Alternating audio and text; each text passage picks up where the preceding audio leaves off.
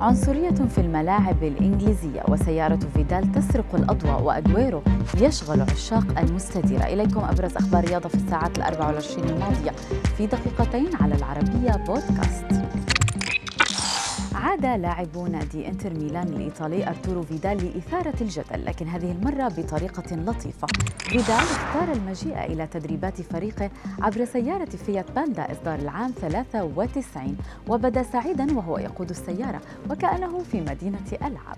معلقا مجيئي إلى التدريبات بهذه الطريقة يجعلني سعيد. أنا فرح بالأشياء الصغيرة. في حادثة أثارت قلق عشاق كرة القدم بشكل عام ونادي برشلونة بشكل خاص. نقل مهاجم النادي الكتالوني سيرجيو أغويرو إلى المستشفى بعدما اشتكى من ألم في الصدر خلال مباراة فريقه أمام ألافيس بالدوري الإسباني. اللاعب الأرجنتيني اضطر إلى مغادرة الملعب ونقل إلى المستشفى.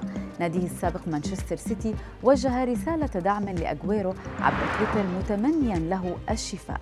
المشهد أعاد إلى الأذهان واقعة لاعب الدنمارك كريستيان إريكسون الذي تعرض لأزمة قلبية في بطولة أوروبا الماضية. بعد إقالته من تدريب نادي نيوكاسل بسبب سوء النتائج شوهد المدرب ستيف بروس وهو يقضي عطلته في دبي بصحبة عائلته. الرجل البالغ من العمر 60 عاما غادر أسوار نيوكاسل المملوك لصندوق الاستثمارات السعودي بالتراضي. بروس يحاول مواجهة التوتر الذي لاحقه في الفترة الأخيرة بسبب المشجعين عبر الاستجمام في يخت كما تابع مباراة منتخب بلاده في بطولة الكريكت.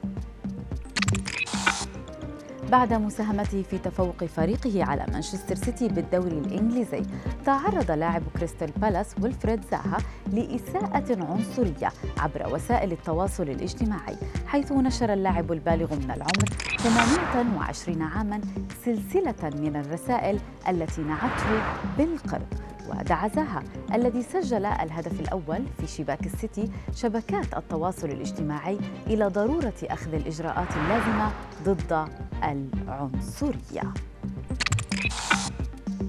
يشارك الكثير من نجوم كرة القدم من حول العالم بمناسبة الهالوين عبر ارتداء أزياء تنكرية.